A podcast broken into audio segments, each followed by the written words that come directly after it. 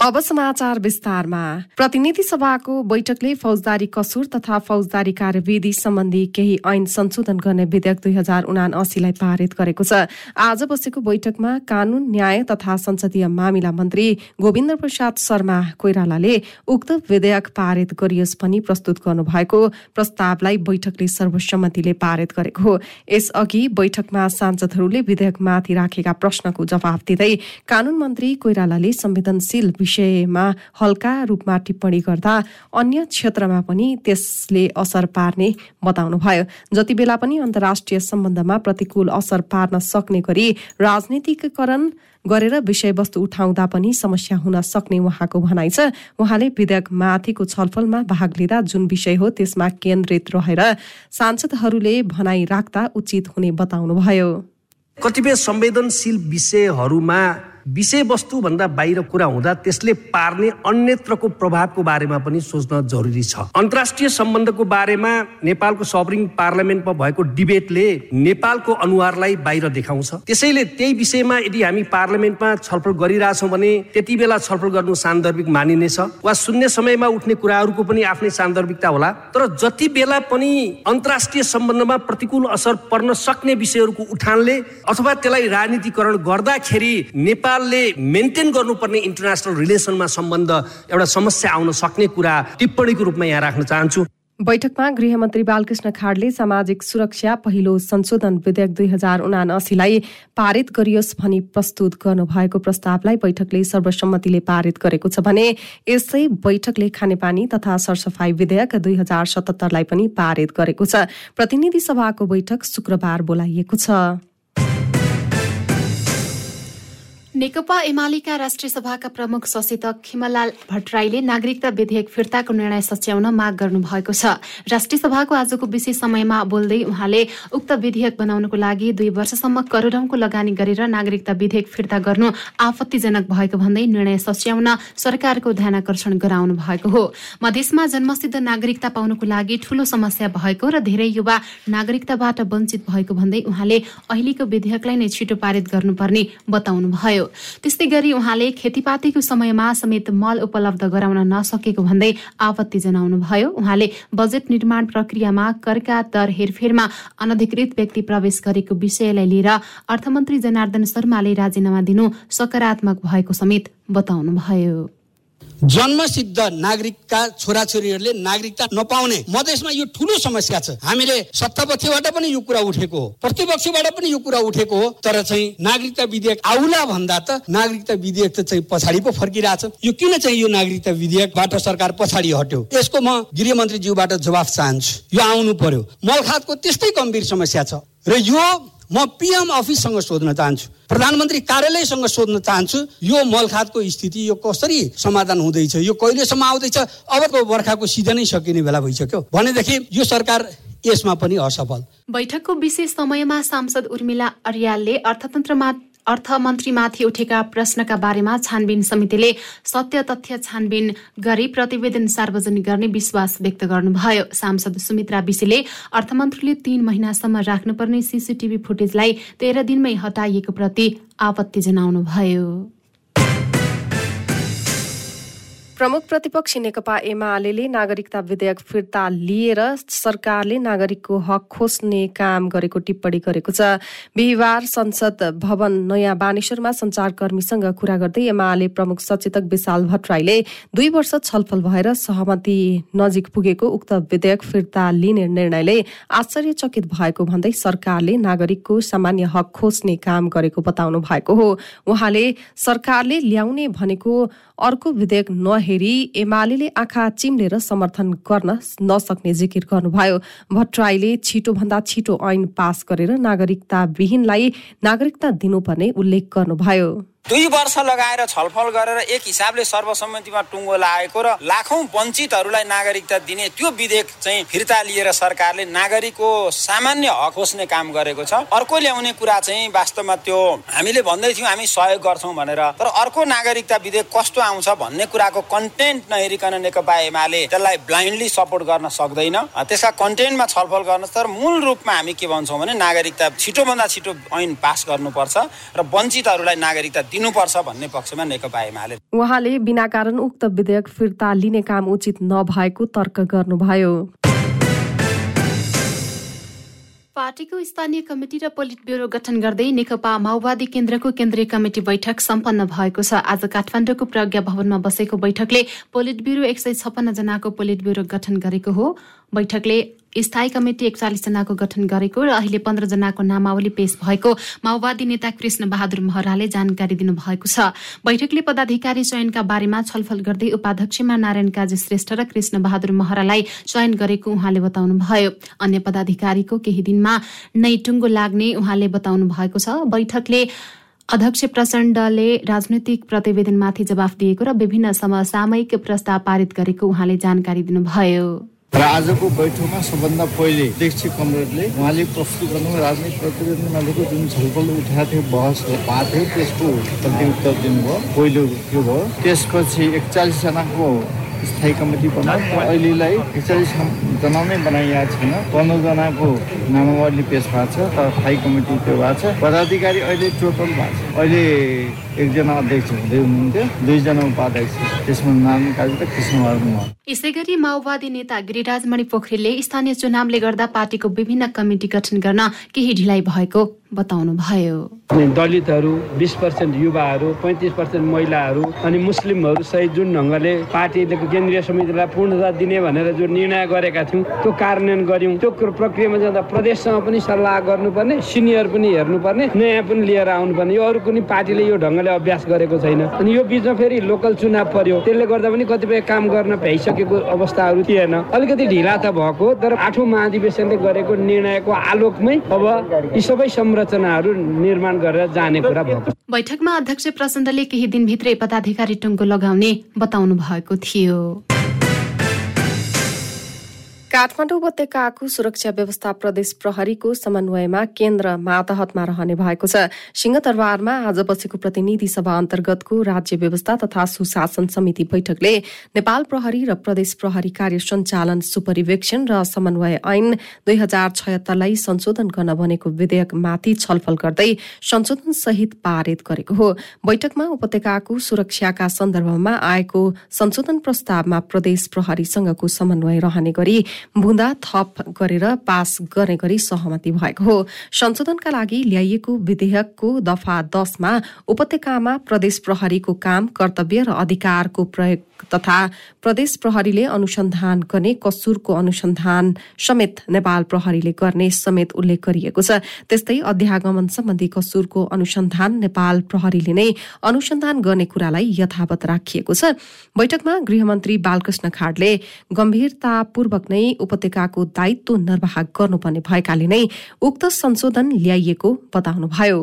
अहिलेको अवस्थामा अब हेटौँडामा चाहिँ बागमती प्रदेशको चाहिँ केन्द्र राजधानी छ। त्यहाँको डिआइजीले काठमाडौँ उपत्यका पनि हेर्नुपर्ने भयो। अब कहिले काहीँ कस्तो भन्दाखेरि सुरक्षा संवेदनशीलता कारणले प्रहरी या प्रदेश प्रहरीले गम्भीरतापूर्वकै चाहिँ आफ्नो दायित्व निर्वाह गर्नुपर्ने हुन्छ। र प्रदेश र सङ्घको लिडरसिपकै बिचमा द्वन्द भयो भने के होला? त्यसले स्थिति नआउला। नआउला भन्नु सकिन्न नि? त्यसले गर्दाखेरि राजधानीको जुन सेन्सिटिभिटी छ त्यो सेन्सिटिभिटीलाई ध्यानमा राखेर यो चाहिँ नि संशोधन ल्याएको हो। योभन्दा पूर्ववर्ती सरकारले पनि अगाडि बढायो र अहिलेको चाहिँ नि सरकारले पनि अहिलेको गठबन्धनले पनि यसलाई निरन्तरता दिएको छ र अध्यादेशकै रूपमा लगाएको छ। यसअघि छलफलमा माओवादीका सांसदहरूले राजधानीको सुरक्षाका विषयमा प्रदेश प्रहरीको अधिकार कटौती हुन नहुने बताएका थिए भने एमाले र कंग्रेसका सांसदहरूले उपत्यकाको सुरक्षाको जिम्मा नेपाल प्रहरीले नै गर्नुपर्ने गरी ल्याइएको संशोधनप्रति समर्थन जनाएका थिए। प्रहरी समायोजन ऐन कार्यान्वयन चाँडै नभई संघीय सरकार विरूद्ध संयुक्त रूपमा कडा कदम चाल्न बाध्य हुने छवटा प्रदेशका आन्तरिक मामिला तथा कानून मन्त्रीहरूले चेतावनी दिएका छन्। जनकपुर धाममा आज मध्य प्रदेश सरकारको गृह तथा संचार मन्त्रालयले आयोजना गरेको शान्ति सुरक्षा तथा विपद व्यवस्थापन सम्बन्धी अन्तर प्रदेश अनुभव आदान प्रदान कार्यक्रममा छवटै प्रदेशका मन्त्रीहरूले यस्तो चेतावनी दिएका हुन्। संघीय सरकारले प्रहरी समायोजन ऐन कार्यान्वयन गर्न नचाहेकोले प्रदेशका जनतालाई शान्ति सुरक्षाको प्रत्याभूति अनुमति दिलाउन नसकेको मन्त्रीहरूको गुनासो छ। मध्य प्रदेशका गृह तथा संचार मन्त्री भरत प्रसाद शाहले सातवटी प्रदेश गोलबन्द भएर चरणबद्ध आन्दोलन गर्ने चेतावनी दिनुभयो। उहाँले आफूहरूको शान्तिपूर्ण तरिकाबाट संघीय सरकारले प्रहरी समायोजन गरी माग सम्बोधन नगरे संघ सरकारका सुरक्षाकर्मीहरूलाई चौकी चौकीबाट बाहिर निकालिदिने समेत चेतावनी दिनुभएको हो। छवटा प्रदेशका मन्त्रीहरूको भेलाबाट सात बुधे जनकपुर धाम घोषणापत्र समेत जारी गरिएको छ। सातवटै प्रदेशका आन्तरिक मामिला तथा कानून मन्त्रीहरूलाई भेलामा बोलाइए पनि कर्णाली प्रदेशका आन्तरिक मामिला तथा कानून मन्त्री भने अनुपस्थित थिए। श्रम रोजगार तथा सामाजिक सुरक्षा मन्त्री शेरबहादुर कुँवरले सामाजिक सुरक्षा कोषलाई प्रभावकारी रूपमा कार्यान्वयन गरिने बताउनु भएको छ। तराई विकास तथा संचार केन्द्रले आज काठमाडौँमा आयोजना गरेको कार्यक्रममा मन्त्री कुँवरले सामाजिक सुरक्षाको दायर वृद्धि दायरा वृद्धि गर्दै यसको प्रभावकारी कार्यान्वयन गरिने बताउनु भएको हो। कसैको लागि दुई चार हजार केही पनि होइन। नगन्य हुन्छ। कसैको लागि एक हजार पनि धेरै ठुलो हुन्छ आ तिन चार हजारको कारण हाम्रा बुढापाका आमा बुवाहरू भुके मर्ने अवस्था छैन गाउँठाउँ हेलो होचोमा पर्ने अवस्था छैन। यो एउटा सामाजिक सुरक्षाको महत्त्वपूर्ण पाठ त त्यसैले अहिले हामीसँग सबै चिज छ। यसै घेराभित्र छ सबै चिज। मुख्य कुरा भनेको व्यवस्थापन। हामीले हरेक चिजलाई हामी भित्र छरिएर रहेका हरेक चिजहरूलाई ठिक ढङ्गले व्यवस्थापन गर्न सक्यौँ भने त्यसले महत्त्वपूर्ण उपलब्धिहरू लिन्छ। कोषले आगामी भदौ एक गतेदेखि योगदानकर्तालाई विभिन्न शीर्षकमा कर्जा प्रवाह गरिने समेत तयारी गरेको छ। कोषमा हालसम्म रु उन्नाइस अर्ब बैसठी करोड योगदान रकम जम्मा भएको बताइएको छ। उपराष्ट्रपति नन्दबहादुर पुन पासाङसँग नेपालका लागि भारतीय नवनियुक्त राजदूत नवीन श्रीवास्तवले शिष्टाचार भेट गर्नु भएको छ। आज अपराह्न उपराष्ट्रपति भवन हरित गृहमा भएको भेटमा दुई देशबीचको सम्बन्ध र सहकारीका विविध पक्षमा कुराकानी भएको छ। भेटमा उपराष्ट्रपतिले नेपाल र भारतको सम्बन्ध विशिष्ट प्रकारको रहेको बताउनु भएको थियो। उहाँले दुई देशबीच धार्मिक सांस्कृतिक आर्थिक सम्बन्ध रहेको उल्लेख गर्दै सम्बन्धलाई दिगो बनाउनु पर्नेमा जोड़ दिनु भएको थियो। उपराष्ट्रपतिले नेपाल भारत र चीनबीच त्रिपक्षीय सहकार्य गर्नुपर्नेमा जोड़ दिनु भएको थियो। त्रिपक्षीय सहकार्यमा नेपालले सकारात्मक भूमिका खेल्न सक्ने उहाँले बताउनुभयो भेटमा उपराष्ट्रपतिले भारतसँग नेपालको व्यापार घाटा उच्च रहेको बताउँदै व्यापार सन्तुलनका लागि भारतको भूमिका महत्वपूर्ण हुने बताउनु भएको थियो। उपराष्ट्रपतिसँगको भेटमा भारतीय राजदूत श्रीवास्तवले नेपाल भारतको असल छिमेकी मित्र भएको बताउनु भएको थियो। स्थानीय तहको निर्वाचन हुन बाँकी एक मात्र स्थानीय तह बाजुराको बुढीगंगा नगरपालिकामा स्थानीय तहको निर्वाचन सम्पन्न भएको छ। बिहान सात बजेबाट मतदान शुरू भएकोमा बेलुका पाँच बजे मतदान सम्पन्न भएको छ। बुढीगंगा नौको त्रिशक्ति मतदान केन्द्रमा सामान्य विवादपछि प्रहरीले थप झडप हुन नदिन हवाई फायर गरेको सहायक जिल्ला अधिकारी लोकेन्द्र विष्टले बताउनुभयो। नगरपालिका तेह्र हजार छ सय उनासाठी मतदाताहरूमध्ये कुल मत छैसठी दशमलव सात पाँच प्रतिशत मत खसेको मुख्य निर्वाचन कार्यालय बाजुराले जनाएको छ।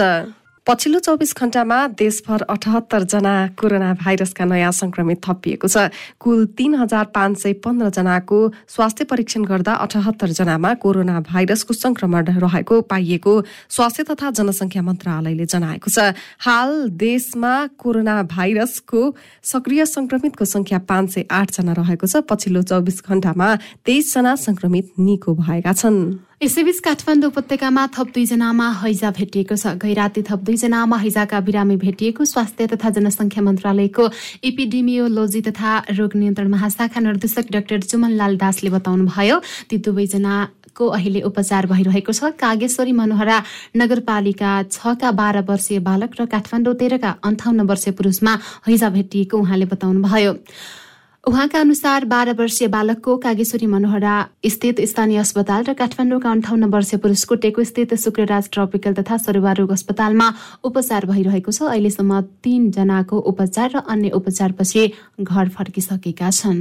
कञ्चनपुरमा एम्बुलेन्स दुर्घटना हुँदा तीन महिने शिशुको मृत्यु भएको छ। बेलौरी नगरपालिका साथ पौलाहमा एम्बुलेन्स दुर्घटना हुँदा बेलडाडी गाउँपालिका चारकी अनिता खत्रीका तीन दिने शिशुको मृत्यु भएको बौलेरी प्रहरीले जनाएको छ तीन दिन अघि धनगढी स्थित स्थिति प्रादेशिक अस्पतालमा सुत्केरी भएकी अनिता एम्बुलेन्स मार्फत घर जाँदै गर्दा दुर्घटना भएको प्रहरीले जनाएको छ। एम्बुलेन्समा सुत्केरी महिलाका तीनजना आफन्त सवार थिए उनीहरू समेत घाइते भएका छन्। घाइतेहरूको बेलौडीको स्थानीय अस्पतालमा उपचार भइरहेको छ। एम्बुलेन्स अनियन्त्रित भएर घरमा ठोकिएको बेलौरी प्रहरीले जनाएको छ। एम्बुलेन्स चालक ज्ञानेन्द्र बोहरा प्रहरी नियन्त्रणमा रहेको बेलौडीका प्रहरी नायब निरीक्षक रमेश सिंह बुढाथोकीले जानकारी दिनुभयो। प्रहरीले वीरगंजमा दुई सय सत्तरी किलो गाँजा सहित दुईजनालाई पक्राउ गरेको छ। पक्राउ पर्नेमा भारत बिहार जिल्ला महोत्तरी ग्राम सेमरी वडा नम्बर एघार बस्ने सत्ताइस वर्षीय विजेश कुमार यादव र बिहार पूर्वी चम्पारणका पचास वर्षीय धर्मेन्द्र यादव पक्राउ परेका हुन्।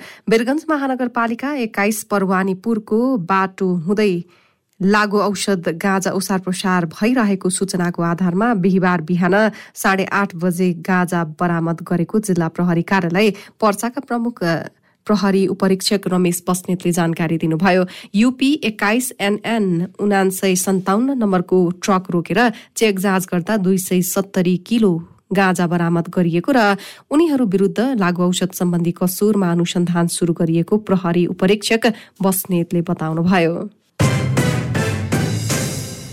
जिल्ला कारागार लमजुङमा क्षमताभन्दा तीव्र कैदीबन्दी हुँदा व्यवस्थापनमा समस्या भएको छ। कारागारको क्षमता पैँतिस जनाको भए पनि अहिले एक सय दुईजना कैदीबन्दी राखिएको छ। कारागारमा छ महिला र छयानब्बे पुरुष रहेका छन्। कारागारको जेलर सुवास केसीका अनुसार कारागारको क्षमता पैँतिस जनाको मात्रै हो। सुत्ने बस्ने समेत समस्या भएको कैदीहरूको गुनासो हुने गरेको केसीले बताएका छन्। फरार अभियुक्तहरू धमाधम पक्राउ पर्न थालेका कारण कैदीबन्दी बढेका हुन्।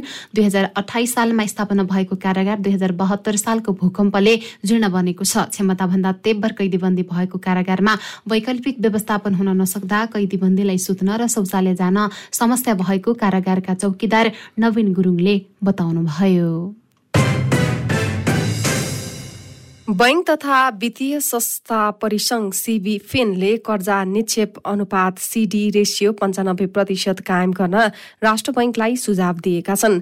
आज काठमाडौँमा आगामी आर्थिक वर्षको मौद्रिक नीतिका बारेमा राष्ट्र बैंकलाई दिएको सुझावको बारेमा पत्रकार सम्मेलन गर्दै परिसंघले मौजुदा सिडी रेसियोलाई पञ्चानब्बे प्रतिशत कायम गरी उत्पादनमूलक क्षेत्रमा लगानी विस्तार गर्नका लागि प्रोत्साहन सहित आवश्यक नीतिगत व्यवस्था गर्नुपर्ने बताउनु भएको छ।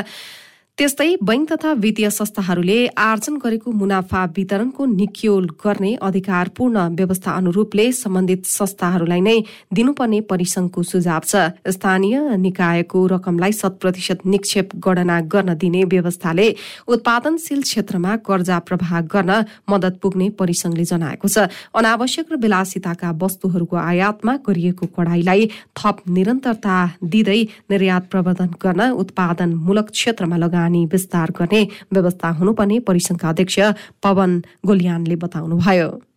हामीले भन्न खोजेको यति मात्रै हो घरेलु साना उद्यमी उद्यमी उद्योग प्रोडक्टिभ सेक्टर यस्तालाई लोन गएन भने अझ हामी आयातमुखी हुन्छौँ। भएका उद्योगहरू भएका प्रोजेक्टहरू चलिरहेका छन् त्यसलाई पनि कर्जा गएन भने भोलिको स्थिति अझ भयावह हुन्छ। त्यसैले यो जुन राष्ट्र ब्याङ्कले ल्याएको छ यो नीति गलत हो भन्न हामीले खोजेको होइन। तर कुनै न कुनै सोल्युसन चाहियो। जबसम्म अरू ठाउँबाट सोल्युसन आउँदैन तबसम्मको लागि अहिले श्रावणदेखि नै गाह्रो हुने भएको हुनाले हामीले बाध्य भएर यो कुरा राख्यौँ। अरू कुनै कारण होइन कि यो यो चाहिँ सजिलो बाटो खोज्नको लागि हुँदै होइन।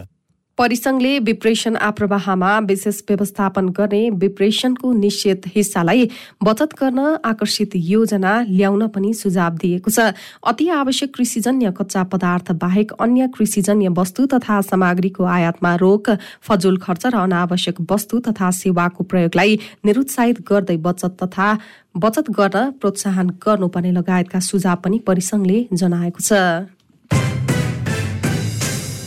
साझा यातायातले आजदेखि नयाँ विद्युतीय बस सञ्चालनमा ल्याएको छ। चीनबाट पहिलो चरणमा ल्याइएका तीनवटा विद्युतीय बस आजबाट सञ्चालनमा आएका हुन्। साझाका संस्थापक अध्यक्षीय विश्वबन्धु थापाले उक्त विद्युतीय बसको हरियो झण्डा देखाएर शुभारम्भ गर्नुभएको हो। विद्युतीय बस रत्नपार्क ठमेल नयाँ बस पार्क हुँदै एयरपोर्टको रुट र लगनखेल रत्नपार्क हुँदै बुढा नीलकण्ठ रुटमा सञ्चालन भएको साझा यातायातले जनाएको छ। साझाका तीनवटै बसमा चालक र परिचालक महिला रहेका छन्। अन्य सैतिसवटा बस श्रावण महिनाभित्रै भित्र्याउने र दसैँ अघि सेवा सुरु हुने बताइएको छ। साझा यातायातले विद्युतीय बसको चार्जिङ स्टेसनको लागि सरकारले जग्गा उपलब्ध गराउने विश्वास गरेको छ। शेयर बजार आज साढे सोह्र अङ्कले घटेको छ। शेयर बजार परिसूचक नेप्से आज सोह्र दशमलव छ शून्य अङ्कले घटेर दुई हजार सत्ताइस दशमलव तीन दुई बिन्दुमा झरेको छ। म्युचुअल फण्ड बाहेक सबै समूहको शेयर ओह्रालो लागेको छ। आज नेप्सेसँगै कारोबार रकममा पनि कमी आएको छ। दुई सय उन्तिसवटा कम्पनीका सडचालिस लाख एघार हजार किता शेयर एक अर्ब अस्सी करोड़ बैसठी लाख रुपियाँमा कारोबार भएका छन्। क्यान्डेड न्युजमा अब अन्तर्राष्ट्रिय समाचार। बेलायती प्रधानमन्त्री बोरिस जोन्सनले पदबाट राजीनामा दिनुभएको छ। बेलायती प्रधानमन्त्री कार्यालय दस डाउनिङ स्ट्रेटमा सम्बोधन गर्दै प्रधानमन्त्री जोन्सनले राजीनामा दिएको घोषणा गर्नुभएको हो। सत्तारूढ कन्जर्भेटिभ पार्टीका सांसद तथा उहाँ नेतृत्वको मन्त्री परिषदका प्रभावशाली मन्त्रीहरूले जोन्सनको कार्यशैलीप्रति असन्तुष्टि जनाउँदै सामूहिक राजीनामा दिएसँगै जोन्सनमाथि पनि राजीनामा दिन दबाव उत्पन्न भएको थियो। यद्यपि प्रधान प्रधानमन्त्री जोन्सनले यसअघि आफूले राजीनामा नदिने अडान लिनुभएको थियो। उहाँले राजीनामा दिएसँगै नयाँ प्रधानमन्त्री टुङ्गो नलागेसम्मको लागि आफैले प्रधानमन्त्रीको जिम्मेवारीलाई निरन्तरता दिने बताउनु भएको छ। कोविड नाइन्टिनको महामारी र युक्रेनमा जारी रुसी आक्रमणका कारण विश्वभर भोकमरीबाट पीड़ित व्यक्तिको संख्या पन्ध्र करोड़ले बढ़ेको संयुक्त राष्ट्र संघले जनाएको छ। राष्ट्रसंघले एक प्रतिवेदन सार्वजनिक गर्दै सो जानकारी दिएको हो। युक्रेन संकटले आगामी महिनामा झन नराम्रो बनाउन सक्ने र यसले विश्वभरका सबैभन्दा बढ़ी प्रभावित देशहरूलाई अनिकालतर्फ धकेल्न सक्ने चेतावनी पनि राष्ट्रसंघले दिएको छ। प्रतिवेदन अनुसार विश्वभर करिब बयासी करोड़ अस्सी लाख मानिस कुनै न कुनै प्रकारको कुपोषणबाट ग्रस्त छन्। यो गत वर्षको तुलनामा चार करोड़ साठी लाखले बढ़ी र महामारी अघिको संख्याको तीन गुणा भएको। संयुक्त राष्ट्रको विश्व खाद्य कार्यक्रम डब्लुएफपीका कार्यकारी निर्देशक डेभिड बिस्ले बताउनुभयो। क्यान्डेड न्युजमा अब खेलकुदका समाचार। मलेसिया भ्रमणपछि थाइल्याण्ड पुगेको न्युरो टिम एनआरटी अभ्यास खेलमा स्थानीय कासे मण्डिल युनिभर्सिटी एफसीसँग पाँच दुई अन्तरले पराजित भएको छ। आज भएको मैत्रीपूर्ण खेलमा एनआरटीले सुरुवाती अग्रता लिए पनि त्यसलाई जोगाउन सफल भएन। एनआरटीको लागि संजोग राई र विदेशी खेलाडी स्टेफन समीरले एक एक गोल गरेका थिए। संजोगले बत्तीसौँ मिनटमा गोल गरेका थिए भने स्टेफनले अडचालिसौँ मिनटमा दोस्रो गोल गरे। युनिभर्सिटीका लागि चायर्स सोचोन सानगु आन्दी सेओङ चानमुन सुपकुत पेटसन र थिरासक खरमाङसीले एक एक गोल गरेका थिए। त्यसपछि एनआरटीले शीर्ष डिभिजनको चोनबुरी एफसी र थोनबुरी एफसीसँग दुई मैत्रीपूर्ण खेल खेल्ने छ